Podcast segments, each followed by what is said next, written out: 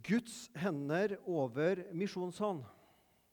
Herre Jesus Kristus, takk for at dine frelsende hender er over oss. Takk for du strakk ut dine hender på Golgata kors for å frelse oss. Takk for at uh, Guds hender dytta steinen til side, sånn at du, ja, du kom ut. Du var ikke avhengig av det, for du gikk gjennom steinen. Men for at vi skulle se at grava var tom, og at vi har en levende frelser. Og takk at dine hender er virksom her nede ennå i dag. La oss få merke at dine hender er over oss, Jesus. Amen. Legg din vei i Herrens hånd. Stol på ham, så griper han inn. Eller som det står i en annen oversettelse på slutten han skal gjøre det. Legg ditt liv, dine bekymringer, synder, tro, tvil, økonomi, hva det er i Herrens hender, og la Gud få stelle med deg. Vi har hatt noen taler nå siden vi starta i januar med dette verset, som handler om vårt personlige liv. Der må legge min synd og bekymringer og hva det er, i Guds hender. I dag skal vi snakke om fellesskapet, at vi legger oss som fellesskap i Guds hender. Og det skal handle om også å legge bygg i Guds hender. Guds hånd leder, arbeider, former, skjuler, tukter, påpeker feil når det er nødvendig, trøster, lege, frelse, beskytte osv. Hva i all verden er det Guds hånd ikke kan gjøre noe med? Vår far kan har hender som kan, og som makter egentlig alt. Jeg tror de fleste av oss har den opplevelsen fra barndommen at far vår var kanskje helst far, da, men av og til mor òg, greip oss i hånda og, liksom, og tok oss litt når jeg hadde gjort noe galt. Og irettesatte meg. Den handa også er viktig. For når Gud behandler oss sånn, så er det ikke for å være stygg mot oss, men det er for å lede oss. For det første, det fins ei tung hånd, en pekefinger, pekefinger, inn i ditt og mitt hjerte. Salme 32, 32,4.: For dag og natt lå din hånd tungt på meg. Min livssaft, så, kraften i livet, det forsvant som i sommerens tørke. Jeg skal ikke preke over det her nå, men bare nevne at sånn kan også Guds hånd være. David som hadde synda med Batseba, og Guds tuktende hånd i Davids sitt liv. Ikke avvis den handa. Den vil deg noe godt, sjøl om det ikke føles godt. Det er vår erfaring med Guds lov. Når Guds lov trykker på noe i mitt liv og avslører synd. Ikke avvis den hånda, for den vil deg godt. For den vil vise deg til Kristus. Guds hånd som omgir og beskytter. Salme 139, vers 5-6. Bakfra og forfra omgir du meg, du legger din hånd på meg. Å forstå dette er forunderlig for meg, det er for høyt, jeg makter det ikke. Du omgir meg på alle sider. Å, vil de elske den sangen, ikke sant? Det er denne opplevelsen med evangeliet, at Kristus er der, omgir meg forfra, bakfra, overalt. Tilgir meg. Og Så skal jeg i dag snakke noen minutter om Guds gode, ledende og beskyttende hånd over fellesskapet. Og Vi skal stoppe for et begrep som jeg ble stoppa for for en ukes tid siden. For Jeg har på å lese litt i Esra og Nehemia. Denne stattholderen, politikeren Nehemia, og den skriftlærde presten Esra. Nå er vi altså etter jødene har vært i Babylon, ble sendt tilbake og de skal bygge opp landet, bygge opp Jerusalem, sine murer og tempelet. Her finner vi mye god lesing, mye å lære av og bli inspirert av, også i en byggeprosess. Så jeg får si til dere som sitter i sånn byggekomité her nå, les Esra og Nehemia og bli inspirert. altså. Um, Nehemia eh, kapittel 2, vers 8 og 18. Om dere ser Her er det en, en setning, et begrep, som jeg har streka under. som, som stoppa meg, og som inspirerte meg til denne talen.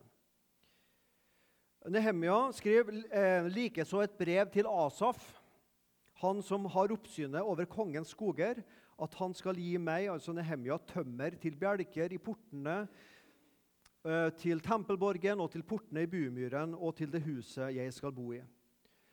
Og kongen, altså i, i eh, Babylon,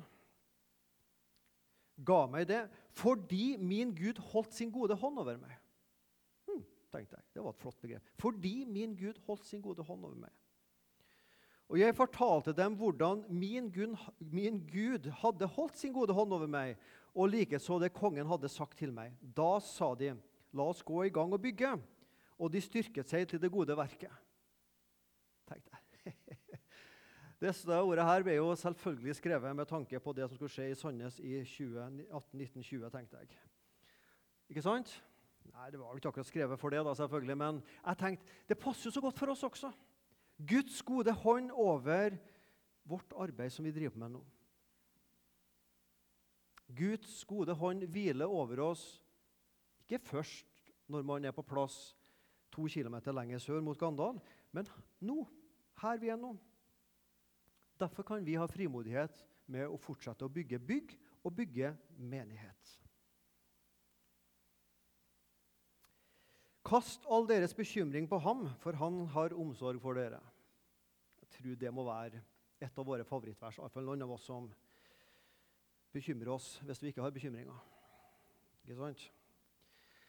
Um, det er godt å få kasta alle bekymringer på Gud, for han har omsorg for oss. Og Det finnes jo bekymringer i byggeprosessen også, folkens. Økonomi. Har du lån på huset ditt? Det har jeg. Det har jo sikkert de fleste her.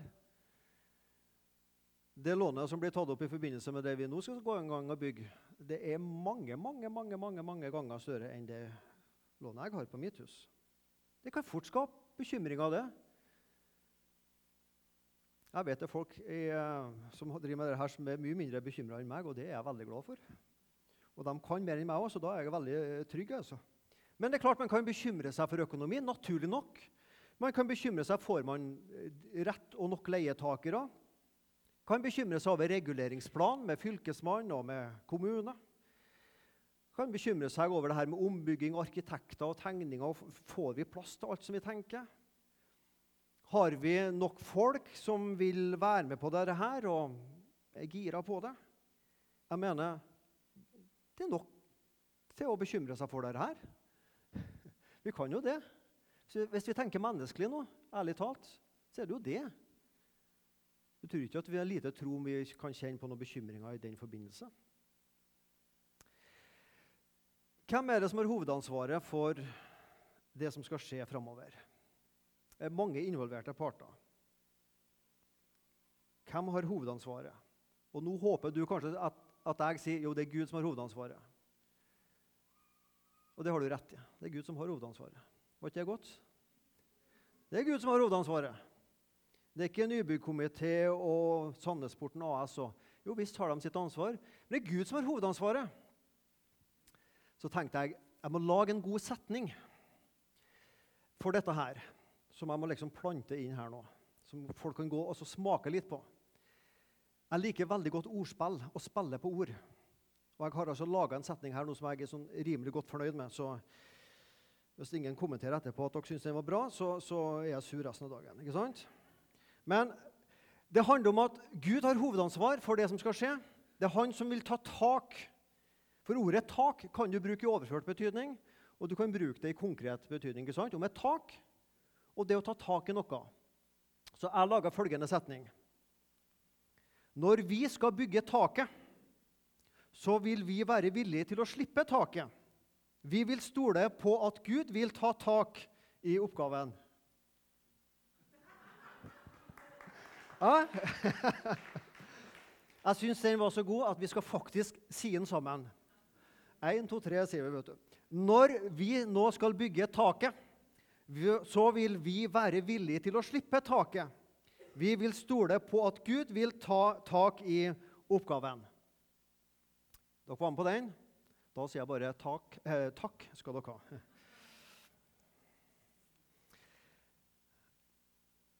Vi har et stort arbeid. Arbeidet er stort og hvitt, og vi står spredt på muren, langt fra hverandre. Det står det i Nehemia. De skulle bygge denne muren rundt Jerusalem. Det var ikke nok folk. Det ble jo ganske langt mellom folka på muren, og de syntes det så litt puslete ut. Og Det kan vi synes òg. Det som vi skal inn i etter hvert, det er mye større enn det vi er i nå. Og man kan fort tenke at oi, ja ja, det blir god plass i den svære salen etter hvert, ja. Hvis vi er liksom vi som er nå. ja. Vi kan kjenne at vi, vi, vi skulle vært flere. Vi skulle vært mange flere. Vi står hvitt, vi står spredt på muren. Men det går an å samles. Og nå skal vi samle oss i bønn. Ja, det vi skal. Vi skal rett og slett be oss sammen og samle oss i bønn om det som ligger foran. Og så tenkte jeg hva er det som vi spesielt trenger bønn for framover? Her har du fire punkt. Økonomi, utleie, nybyggkomité, Sandnesporten AS. De som jobber med dette her på ukentlig basis. Reguleringsplan, kommune og fylke, eller fylkesmann. Det begynner å skje positive ting der. Det har vi snappa opp, så det er vi glad for. Eh, for det tredje arkitekt og rominndeling. At det må bli fornuftige ting som vi, vi, går for der. Og at flere ønsker å være med at Gud sender dem han vil, til oss. Og det tenkte jeg. At Gud sender dem han vil. Ja. Det betyr jo ikke at vi ikke skal være så opptatt med å, få med nye menn, men altså Gud, å be at Gud sender dem han vil. Det kan vi også be om. Økonomi, utleie. Det er flere her som sitter i salen nå, som er med i Nybykomité og Sandnesporten AS. Eh, reguleringsplan, arkitekt og at flere vil være med. Og jeg tenkte at Nå skal vi gjøre det sånn som vi gjorde det på første talen. At vi, vi, vi tar liksom et, et, godt minutt pause der vi skal be. Da gjør vi det enkelt at side, denne siden Dere ber for punkt 1 og 2. Vi ber for oss sjøl. Eh, så punkt 1 og 2. Og sida her be for punkt 3 og 4. Arkitekt, da. Rominndeling. Og så er det jo flere som sitter her, som bor andre plasser, som da er gjester i dag. Så dere kan liksom be ekstra for at mange i forsamlinga liksom gir jernet. vet du. For vi som, Hvis vi skal be for oss, så ber vi litt, ber vi litt med håndbrekket på. Men dere som ikke gjør dere kan jo virkelig be at vi må gi jernet. Punkt 4, ikke sant? Be konkret nå. Det var fiskemangel en plass oppe i Lofoten. Og Så sier sognepressen nå må vi samle sammen folk og så må vi be om fisk. At vi må få fisk for å overleve. Og Han samla noen sognepresten og en eller annen plass oppe i Lofoten. Og så var det da en som har gått i kirka i mange år, og en troens mann som begynte å be for takka for alt mulig, og for misjonærer og for konge og regjering. Så sier det en annen en Du må be for fisken. Ja, og det er det jeg sier nå, nå er vi konkret. Nå ber vi for fisken og ber vi for det som står her. Nå tar vi et, et godt minutt pause, og så ber vi for oss sjøl at dette skal lykkes. Vi ber.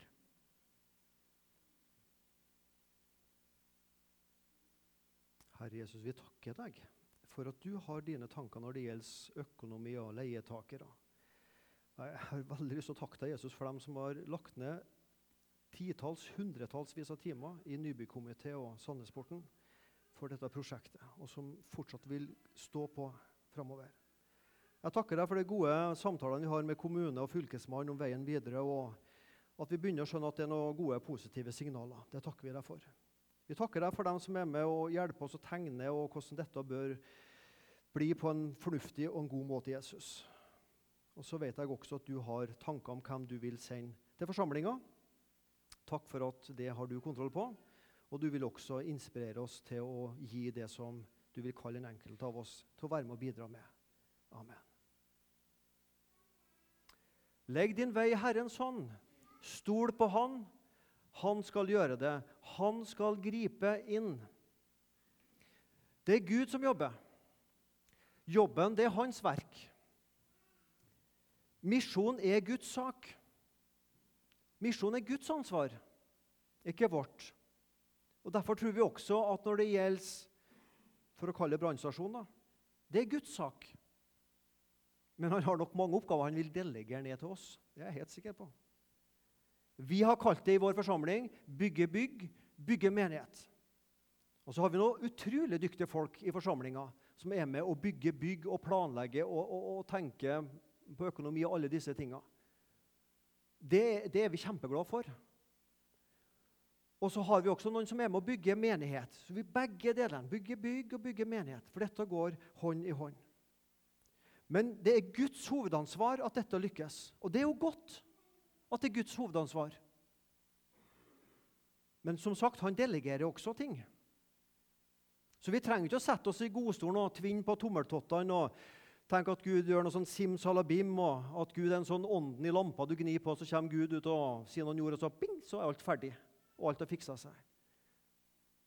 For å karikere det. Det er jo ikke sånn, det. Men Gud har noen store tanker som han har starta for flere år siden og forberedt oss på, og som vi bare har sett starten på. Men vi vet det vil komme til å koste oss noe. Og igjen, ordspillkongen liker bokstaver. Her får du dem på K. Kapital, krefter, kalorier, kompetanse, kjemi. Vi må ha god kjemi med hverandre i denne prosessen. Jeg tror alt dette her vil det utfordre oss på. Kapital, krefter, kalorier, kompetanse og kjemi. At vi har det godt sammen i denne store prosessen. Mot slutten Nehemja 4. For det var ikke å danse på rosa å komme tilbake til Jerusalem og bygge denne muren og gjenopprette tempelet sånn som det skulle være. De var litt for få. De skulle vært flere De skulle hatt mer penger, det ene og det andre. Det vil si, Penger tror ikke jeg var så stort problem for keiseren borti, eller kongen borti Babylon. Han, han, ga dem det de trang. Men, men de hadde fiender i, i uh, Judea og Samaria den gangen også. Fiendene sa, 'Hva er det disse usle jødene driver med?' 'Skal de få lov til å gjenreise muren?' 'Skal de få ofre og fullføre verket i dag?' Også litt sånn ironisk. Kan de blåse liv i steinene som ligger i grushauger på branntomten? Litt sånn ironisk, sarkastisk, ikke sant? Hæ? Tror du liksom at usle jødene skal klare det?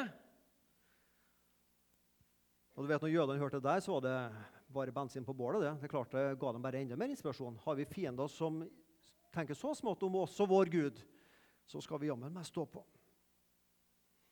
Det står, Ordet brannstasjon står altså ikke i Bibelen, hvis du var i tvil. Men jeg fant ordet branntomt. Det var nærmest jeg kom, så derfor tok jeg med dette ordet her. Ikke sant? Kan de blåse liv i steinene som ligger i grushauger på branntomten? Det var jo problemet for jødene, for de lå jo hulter til bulter, disse steinene, på en branntomt. Vi er mye heldigere, vi, for mursteinene de er jo, står jo der. De er jo ferdige. Det ligger jo ikke grushauger bort med E39. Bygget er jo ferdig. Jeg mener mye, iallfall. Så vi trenger ikke akkurat å rydde opp. Vi har, vi har maskiner. De hadde jo ikke maskiner på den gangen som vi har. Så det er jo enklere på en måte. Men vi vil være med å fullføre verket. Det var jo det de sa ironisk. Skal de få lov til å gjenreise murene og få ofre og fullføre verket? Ja, det er det vi skal. Vi har ingen fiender. Vi diskuterer med kommune og fylkesmann med sånn innsigelser og en del sånne ting. Men de er jo ikke våre fiender. Nei, nei, nei. Men vi skal fullføre verket og få være med på det. Skal de få gjenreise muren, skal de få ofre og fullføre verket? Skal de få ofre? Ja, jødene begynte å ofre. Og nå ofrer vi her. Vi feirer Jesus sonoffer her. Og vi er med å ofre vårt lovprisningsoffer og vårt takkoffer gjennom kollekt og andre måter her. En dag så skal vi skifte lokasjon hvor vi ofrer. Da er det to kilometer lenger sør. Nehemia 4, 14. Vær ikke redd for dem. Tenk på Herren, den store og skremmende, og kjemp for brødre, sønner, døtre, kvinner og hjem. Det var deres situasjon med fiender rundt seg. Vi har ikke det på samme måten. Men vi skal klare å blåse liv i branntomta, i brannstasjonstomta. Er du med på det? Vil du være med på det? Og hele menigheten sa Og hele menigheten sa Ja, både, der kom det halleluja. Det er veldig bra. Det er klart vi skal være med. Det er et kjempesvært arbeid som vi har starta på, og som vi vet ligger foran. Men vi tror vi går i ferdiglagte gjerninger. Og helt til slutt, Nehemia 4, 19-20. Da sa jeg Nehemia da, til de fremste stormennene og resten av folket. Arbeidet er stort og hvitt, og vi står spredt på muren. Vi er langt fra hverandre. Om dere hører lyden av hornet, skal dere samle dere omkring oss. Vår Gud vil kjempe for oss. Vår Gud vil kjempe for oss. Ah, Nehemia Estra det er ikke bare en opptegnelse fullt av arbeid og plikter, sånn, men Guds mektige hånd lå over meg og oss, sier Nehemia. Vår Gud vil kjempe for oss. Og Så kjente jeg når jeg forberedte meg, at skulderen min sank. Ja, det ble litt bedre. Gud er ikke bare interessert i åndelige ting. Gud er også med når det gjelder reguleringer og mursteiner og inventar og sånn. Alt det skal vi få legge i Herrens hender. Gud vil kjempe for oss og være med oss. Det ble nok en litt annerledes preke enn vanligvis. sånn som jeg preker. Det ble ikke så veldig personlig i dag. sånn liksom, Meg og mitt liv og meg og Jesus alene er liksom og dette her. I dag ble det oss som forsamling å bygge. Vi skal få hvile i at Guds hånd hviler over oss. Og så har Gud utrusta dyktige folk blant oss som tar dette videre. Og så vil Gud snakke med hver enkelt av oss. Hva skal ditt bidrag være? Hva vil du være med å bidra på? Ikke bare penger, men bønn og tjenester. Snakke godt om, inspirere andre, takke. Takk skal du ha som er med og har stått på så lenge i den komiteen. hva vil Gud snakke med deg om i denne prosessen videre? Det vet ikke jeg. Men jeg tror Gud vil snakke med en enkelt av oss. Vi er på vei mot noe større, som skal fylle enda flere mennesker, som skal få møte Jesus Kristus og bli frelst. Takk for det, Jesus. Takk for at vi kan få legge også mursteiner og reguleringsplaner og arkitekter og økonomi og leietakere i dine hender, og vite at din mektige hånd er også over der. Jeg takker deg for alle som er med i denne prosessen. Og jeg takker deg for at du er villig til å ta et hovedansvar. Sjefsarkitekten som vet hvordan du vil ha din menighet. Så ser du oss som er tilhører misjonssalen. Det er ikke forferdelig mange Jesus òg. Men, men vi har lyst til at ditt rike skal lykkes, at misjonen skal lykkes. Her i Sandnes, og at vi kan få være med og stå i det store misjonsarbeidet og sende ut til Bolivia og Peru i Sør-Amerika og landene i Afrika og i, i, Asia, der vi har misjonærer i Misjonssambandet. Det vil vi være med på, Jesus, også i framtida. Takk for at du vil vise oss din vei med våre liv og med vår forsamling. Amen.